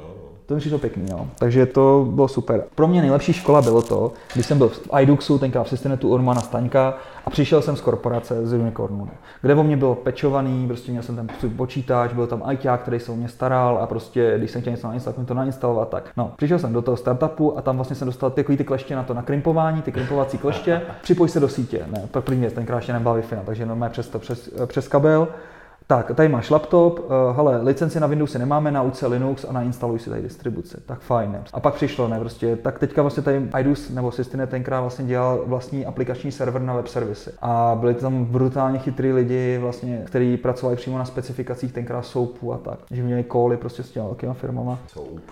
Už, je. už je, jsou, už už je, hotový, no. XML, PC, třeba protokol a tady ty věci, jo. Tak to bylo fakt super. A když pak vlastně já jsem do toho měl zaplout, tak já jsem prostě neznal nic. Já jsem prostě, ano, uměl jsem trošku distribuovaný systémy, viděl jsem, co je korba, uměl jsem s ní trošku, ale jako tady to byla úplně pro mě úplně totální novinka. A místo toho, aby ty lidi, abych tam měl nějakého buddyho, který mě obalí jako kondom, prostě abych se jako teda jako náhodou nej nezranil, nebo ne, ne, nebo něco nechytnul v tom systému, ne, tak mě do toho hodili já jsem tam si seděl a když jsem něco potřeboval, tak jsem musel jít za tím majdle úplně kingama, který fakt jako byli úplně někde jinde. Ty, jako tenkrát já jsem tam měl nainstalovaný JBuilder nebo něco jako nějaký IDčko. A oni jeli v Emaxu, úplně tam ty okna prostě lítaly, ty buffery, ne, prostě to bylo úplně, to byl koncept, jak byli na ten Linux zvyklí. Já vůbec, ne, já byl Windowsový člověk. No, takže jsem za ním přišel a oni mi vždycky odpovídali v otázkách, ne, abych si jako na to odpověděl pak v podstatě sám, ne. A já jsem začal, na ně byl strašně nasraný, že mě to dalo strašně práce, jo. A oni mě navedli jenom, jako třeba tam přišel, ne, a řekl bys, jako tady bych to nějak připodobnil. Hele, uh, jaký zelený čaj máš pít, mám pít, ne? A oni, a oni, oni ti řekli, hm, máš pít čaj? A teď prostě jako to řekneš, no tak dobře, já jsem přišel, jestli teda senču nebo džemajču a oni mi prostě tady prostě to úplně rozhodí. Takže mi dali prostě další prostor pro studium a to mě naučilo úplně nejvíc, ne? Oni samozřejmě technologicky, no. Takže tohle já razím i v té firmě. Když prostě tam přijde, my nejsem firma pro juniory, absolutně. Jo, prostě ten junior tam bude prostě ztracený a pokud to, ne, pokud to není junior takový, který jako houbí houba a prostě je takový trošku jako má prořízlou pusu a je, schop, je schopný ty lidi otravovat a prostě jako umí naložit svou svobodou, tak asi mu to půjde, ale jinak, jinak bohužel ne. No. Takže tam prostě dostaneš badyho, já jsem třeba nejhorší bady na světě, já to vím. Já jsem teďka dostal, já jsem dostal tam Hanku, ne prostě Hanka, má, Hanka by tam měla mít na starosti prostě HR a, a finance taky trošku. Taková jako člověk, který má hodnotu pro, pro, každou, pro každou část firmy a je prostě plná energie a tak dále. No tak jsem jí samozřejmě vysvětlil za začátku ty systémy, jako bady, co kde jak, ale už ty jsem mi řekl, hele Hanko, víš co, ty, jako, jestli tady máš prostě přežít, máš měsíc na to si to všechno zjistit a za potom měsíci bys měl mít nějakou hodnotu pro zbytek kolektivu. Pokud nebudeš, tak prostě budeme se muset rozloučit. No a, a je to... Máš fakt takový drsný spartianský přístup. No ale ono, jako neměl jsem firmě. právě, neměl jsem, jenže, jenže to je pak, že pak prostě chodí různí lidi a řeknou ti, hele, jako, protože, ještě aby jsme začali úplně, ta svobodná firma je totiž taková jako trošku blbá v tom, že jednak jak máš tu svobodu, tak hodně lidí s ní neumí naložit, jo? A když nastavíš ten princip toho, že v tady tom systému ty bys měl mít nějakou komerční hodnotu pro ty ostatní, jo? Může to být, když jsi HR, tak ta komerční hodnota je taková, že prostě jdeš s někým na pivko a on se ti třeba vyspovídá a prostě třeba je spokojnější, takže vlastně on je pak výkonnější, takže komerční hodnota tam je, jo? i když tě jako samozřejmě to neplatí. A pokud tady to nemáš, tak bys měl jít pryč, protože to je prostě základ, základ prostě v podstatě kapitalismu. Ty prostě, když ne, neděláš něco, za co ti je někdo ochotný zaplatit peníze, no tak běž do hajzlu. Jo, to až teďka prostě jsme v pokřivený době vlastně nějakého socialismu, že lidi najednou cítí, že mají nárok na všechno. Tak to jsme se zpátky politiku, to nebudeme řešit. Tak. A, a, ještě ta svobodná firma, jak vlastně nemá v podstatě žádný procesy, který říkají to, že třeba když ten člověk nemá hodnotu, tak ho vyhoďte. Tak, třeba my takový proces nemáme, tak se strašně často stávalo, že tam ty lidi tak nějak jako přežívali a ten zbytek toho kolektivu nebyl schopný vlastně s nima naložit, protože vlastně to nebylo jako v jejich týmu. No, a přesně, ani v jejich kompetenci, protože ten člověk většinou se ho nevybrali do týmu, tak on tam prostě byl takový outsider, který tam tak jako divně přežíval. A my jsme v podstatě vždycky fungovali spíš jako taková ostředívka, že jako po čase ten člověk uhnil. no a mě už to přestalo bavit. Takže prostě spíš jsem jako nastavil jako to trošku rychlejc, aby to prostě to uhnívání případně jako netrvalo moc dlouho, protože ono to není jako dobrý ani pro jednu stranu. Když ty máš třeba i v normální firmě někoho vyhodit, tak stejně ten člověk už to ví, když za ním jdeš. Jo, protože mu to cítí prostě jako třeba měsíc dopředu, víc díl, že prostě to není ono, jako jo, že to má přijít. To pro nikoho není nikdy překvapení, ne? jo, takže prostě proč to jako takhle prodlužovat. No. Takže to je třeba novinka, kterou jsem teďka třeba udělal. Jo? Furt se to jako vyvíjí, tady ten styl toho přístupu. Jo? A spíš jsem byl právě ten uhnívač. No. no, měl jsem v plánu se tě tady dneska zeptat v podstatě, no. jak teda vybudovat ten úspěšný stát. Hele, když vlastně v Top tak, jste, taková, jste taková vlastně... Tak já ti to teda řeknu. já ti to teda řeknu. A je to tak, že mně se strašně líbí ten styl Beat Saberu. Toho Splita, Jana Ilavského a Lokimana. Oni v podstatě v pár lidech udělali super věc. Já si myslím, že tohle je opakovatelný. Že samozřejmě v jejich případu se to povedlo, že prostě chytli zrovna fakt extra pecku. Ne, prostě, mm. jo ale myslím si, že to je opakovatelný nějakým menším, menším rozměru. No. A co tam je prostě ten základní aspekt, a když se, se s těma kdykoliv s těma lidma, s těma klukama bavil, tak bylo to, že dělali něco, co je baví. Jo, tak prostě je baví, je baví hry, baví je prostě programování, programování her, tak prostě programují furt jenom hry, ale prostě něco se povede, jo, prostě něco se nepovede, něco zahodí, jo. Podle mě, když to začne přesně od toho bavení, třeba v našem v mém případě je to teďka ta huka, jo, ta, ta huka monk, prostě ta elektronická linka, protože mě baví to Jo, už se ti zase rozzářili oči. Přesně, přesně, jo. A, a, a, věřím tomu, že třeba tam ten Beat Saber efekt je, třeba ne v takovémhle měřítku, jako mají třeba kluci, to ne, ale tam pak vlastně vznikne ten, ten úspěch, jo. A třeba toho Marčina Čichoně, což je zakladatel PriceFX, strašně bavil pricing. Mm-hmm. No tak prostě, tak když ho to baví, tak vím, že tam ty peníze jsou. Jo, takže úspěšný startup pro mě vždycky začíná od toho prostě bavení. Nemůžeš to dělat, jako že si teďka přečteš, že třeba, nevím, jedou veganský burgery, tak začneš tady prostě dělat veganský burgery, když jsi prostě masožrut. No, to prostě by nemělo volného trvání. No, myslím si, že v tom je hodnota, to asi není potřeba dál rozvádět. No, Vy, prostě, když tím ty lidi žijou, tak... no. Ale málo kdo to pak dělá, tyjo. všimni si toho, jo. Kolik vzniká tady z aplikací, tyjo, jako kruďárníček, já nevím, na řešení osobních financí, tyjo. Jako fakt bych chtěl vidět, kolik těch kluků vznik, fakt řeší prostě Excel s vlastníma osobníma financema. Řekl bych prostě asi zero, tyjo. A spíš jako když pak se jich zeptáš, no a co tě baví jako fakt ne? To no, baví mě, baví mě třeba hraní her, nebo baví mě prostě třeba obchodování na burze, baví mě tamhle to ne. To neděláš. Úplně jednoduchý, to, že to je takový, jako ty lidi fakt nás následují furt ty samý jako nějaký osvědčený paterny někoho jiného a vůbec vlastně nežijou ten svůj vlastní život. No. Mě tak jako napadá, kdo třeba ale tebe jako fakt nějak reálně do podnikání ovlivnil. Něco jako vzor slash inspirace. No tak hele, to se taky úplně jako vyvíjí, Aha.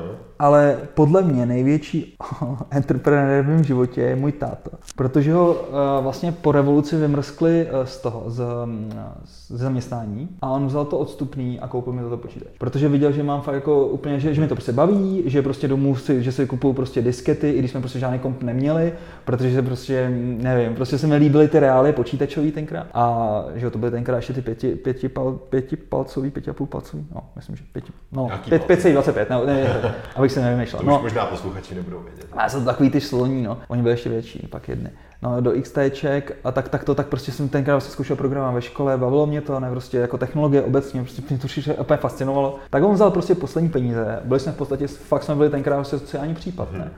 A, a, do toho to dal. Tak jsem říkal, ty tak ti, to bylo velký. Tak teď jsem mu to, jako vím, že mu to prostě do konce života prostě asi nikdy jako nesplatím, protože eh, snažím se o to, ale prostě tohle fakt byl jako big move, no, jako bold. Mm-hmm. Takže takový jako tady to, tady to hráčství, to mi přijde dobrý. No. Takže to byla velká inspirace, i když jako on sám vlastně pak jako podnikal jenom jako menší měl benzínku. protože, protože co měl dělat jako právník, no, tak jako postupně pak se dal dohromady právě s nějakýma lidma, kteří měli peníze a, dal to dokupy. No. no moje máti taky vlastně z začátku vlastně byla rehabilitační v nemocnici a přišla, že měla zpřízněného doktora, a který tam vlastně házel pacienty, nebo on věděl, že ona je prostě dobrá, jako ta rehabilitační, že prostě s těma lidma vždycky se prostě byla, jako, že se snažila, aby, aby opravdu byli zdraví a, a jako nechala tam prostě ruce na té práci. No a pak přišla možnost vlastně, že, ten, že, že by si mohla založit vlastní praxi, strašně se toho bála. A jsem říkal, mami, to je super, ty máš prostě úplně garantovaný flow prostě k pacientů, nemusíš nic řešit, jenom se naučit účtu a tak. Budou ti ty ruce bolet stejně jako prostě v té nemocnici založit tou ženskou. Takže v podstatě jako tak rodiče začali oba dva podnikat, ale jako nic velkého, jo, prostě to byly prostě jenom od, od píky. Takže to byly určitě jako taková jako inspirace, že se prostě nebáli do toho jít. No a pak z těch takových těch velkých jmén, tak prostě za začátku, jak jsem se pohyboval jako třeba kolem databází, tak mě hrozně bavil Larry Ellison, jako ten jeho styl takový jako bonvivánský, ten Richard Branson, ten mě bavil taky tím, jako ten, to jsem četl prostě všechny ty jako životopisy, i takový ten neautorizovaný, který byl super, protože vlastně ukázal to, jak se dostal k těm svým prvním penězům v podstatě přes daňové úniky s DPHčkem. On vozil, on vozil desky prostě na hranice a tam je prostě pak nepřejel nikdy hranice, on je se prodal zpátky, ale, ale bez DPH si normálně vlastně jako vrátil. Takže úplně to samé, co tady dělali karusely vlastně s těma lehkými topnými olejema, takže na tom vydělal peníze. Třeba jak se choval za začátku, ne, že, a to neříkám, že byla moje inspirace, ale že v podstatě jako eh, hrál se všema těma ostatníma lidma v týmu, jako že jsou prostě všichni hrozný hippíci, on byl taky hippík, ale mezi tím prostě nikdo nevěděl ve firmě, že už si koupil soukromý ostrov, že jo, ten, ten, ne, ten nekr, že No, jo, takovýhle věci, takže prostě víš, jak ty lidi se jako chovají, že jedna věc je to, co prostě o sobě říkají, a jedna věc je prostě to, jak to pak nakonec je. Steve Jobs, že jo, tak taky prostě měl své špatné stránky, dobré stránky, lidi teďka prostě se chovají jako Steve Jobs a myslí si, že, nebo tak chovají se prostě jako, jako kreténi a myslí si, že Steve Jobs tak choval taky, ne. Přitom, kdyby nebyl genius, tak prostě by se nedostal tam. To, že byl kretén, tak to je spíš jako pro jeho škodu, si myslím, jo. Hmm. Takže tak. Různý lidi mě takhle to inspirují. Jako nemám, nemám, nemám určitě jednoho, a, že bych jako chodil a říkal, Elon Musk je úplně super. To je, to je takový vizionář do prdele, ten je úžasný. Ne, ale Elon Musk je dobrý v tom, že rozumí těm věcem, který dělá. Jo, to bych taky vždycky chtěl, že proto se třeba prostě furt programu třeba v tom Flutteru nebo tak, když jsem fakt mizerný programátor, aby byl schopný jako držet trošku jako... Tak se nepodceňuj, to v finále funguje. Jo, funguje to, je to dobrý, no, ale, ale tak ne, prostě jako nechci být taková ta guma, co je prostě jenom jako filozofická, co tam jako dává jako nějaké myšlenky, protože já fakt chci mít tu hodnotu pro tu firmu. A třeba včera jsem s chodou okolností vlastně seděl s Ivo Lukačovičem, zakladatelem seznamu, a ten přesně taky programuje pořád a i když taky samozřejmě prostě už ten jeho třeba není to, co to bývalo, tak eh, cítí, že má hodnotu a tomu prostě dává smysl. Prostě to, aby seděl někde doma a rozdával rady, tyjo, tak hmm. soráč. A co teda přesně dělá, na čem třeba on pracuje? Windy. Eh, dělá na, aplikaci, Windy vlastně tam sedí s těma klukama a dělají aplikaci na předpověď počasí. Podle mě nejlepší aplace na předpověď počasí teďka na celém světě. Fakt hezký. Super, no. hele, řekni ještě na závěr něco, co děláš pro zdraví, nějaký sport, něco takového, kromě toho, že piješ strašně moc zelenýho čaj. A kouřím dýmku? ne, ona ta dýmka je dobrá, protože mě rozdejchává. ne, není, není samozřejmě dobrá, není samozřejmě dobrá. No tak pro zdraví běhám. Běhal jsem hodně, pak jsem si zničil achilovku, bohužel. Ne tím, že bych jako neměl třeba posílený lejtka, aby tady mi zase nepřišly komentáře nebo mě někdo říkal s tím, že jsem jak pořádně neposílal. Ne, ne, to bylo spíš jako, že jsem byl přetrénovaný, úplně jako blázen, protože jsem si řekl, že do 40 chci mít desítku po 40. Jo, což už pak jako musí docela běžet, mm. tak jsem prostě trénoval uh, intervaly hodně a prostě jsem to posral. Takže, takže pak už jsem věděl, že prostě mi natekl, natekl vlastně úpon kachilovce a už jsem věděl, že to bude blbý. Takže jsem nakonec jako asi roka půl neběhal vůbec, protože to fakt jako nešlo. Furt mi to jako odsávali, no, no bylo to pitomý. No a tak teď teďka běhám prostě s Mírou, už jako v klidu, už jako, no, no, s Mírou. S Mírou Šbirkem přece, ne, přece. Běháme spolu, no a on mi furt říká, rytmik, feel, feel, rytmik. no, takže, takže to, No, takže běhání, pak vlastně do toho yoga, ta je dobrá, protože to je takový doplňkový sport právě k tomu, aby si jako celý posílil to tělo a držení vůbec těla, protože jsem zjistil, že jsem byl celý pokřivený úplně do takového divného esíčka. To mi řekla jedna taková ruska, která mě masírovala a nevím, on se mu říká nějak jako zvláštní typ masáž. Ne, ne, samozřejmě, ne, ne, ne, ne, ne, právě, že to jsem čekal. Ne, ne, ne, normálně takový nějaká dorm, tyva, no to bych si vymýšlel. Ale prostě je to tak o tom, že ona si na vás jako by sedne třeba a tahá vám prostě takhle kůži jako od tý, od, od eh, kostí. Že to úplně to jako, úplně cítíš, jak to tam úplně jako praská ty kůže, se jako, ta, ty, ty kosti se tak různě jako natahují do té správné pozice a tak vám vlastně promačká úplně celé tělo, jako protahá to tu kůži. No a já když jsem pak jako třeba šel, tak ona začátku mi říkala, ty chodíš jak medvěd, ne, prostě úplně, eh, nějaký celý, celý jako paraplegik divný, jako ještě chodící. A pak prostě to ne, když, když, jsem, když jsem skončil, tak jsem chodil krásně rovně. V autě jsem si musel hnedka vlastně tu sedačku zase napravit úplně do zpříjmený polohy, protože tak, jak jsem to měl prostě jako ty, jako taxikáři nebo ty vexláci, ne, to na, nakloněný do, doprava, ne, na tu řadící páku, tak prostě mi to najednou začalo, začalo vadit, jo. Takže to bylo úplně, jsem zjistil, že to držení těla mi fakt dělá problém, takže jsem nakonec zařadil tu jogu, no a k tomu ještě jsem si řekl, že uh, musím udělat prostě 100 kliků, no. Takže, takže trénuju vlastně kliky každý, každý den, když nejsem nemocný, jo, tom, abych vlastně udělal... Takže každý den si dáš stovku. Ne, tam ještě právě nejsem, ty, jako. Byl jsem tam, pak jsem úplně strašně rychle vypad, ale vlastně snažím se vlastně ve třech rundách, aby si vlastně udělal 100 kliků, no. Aby se jako trošku udržoval, no. Pak ještě tam je nějaký cvičení na sixpacky, protože ty ze mě Luli furt dělá prdel, že mám one pack, takže tak už na to mám věk.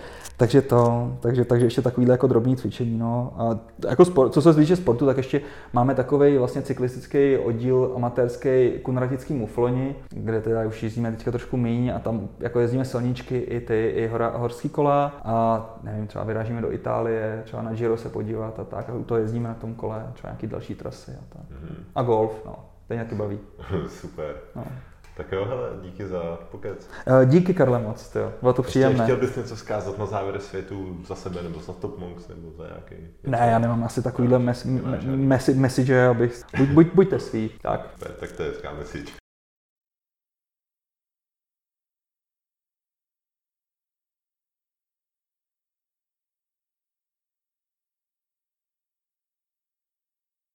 Díky, že jste to poslechli až sem. Máte fakt výdrž. Jestli se vám podcast líbil, tak mi uděláte velkou radost, když to někde nazdílíte, olejkujete nebo hvězdičkujete. Aby vám neutekly příští díly, tak si dejte odběr ve vaší oblíbené podcastové aplikaci. S podpalbí se loučí Karel Strýla.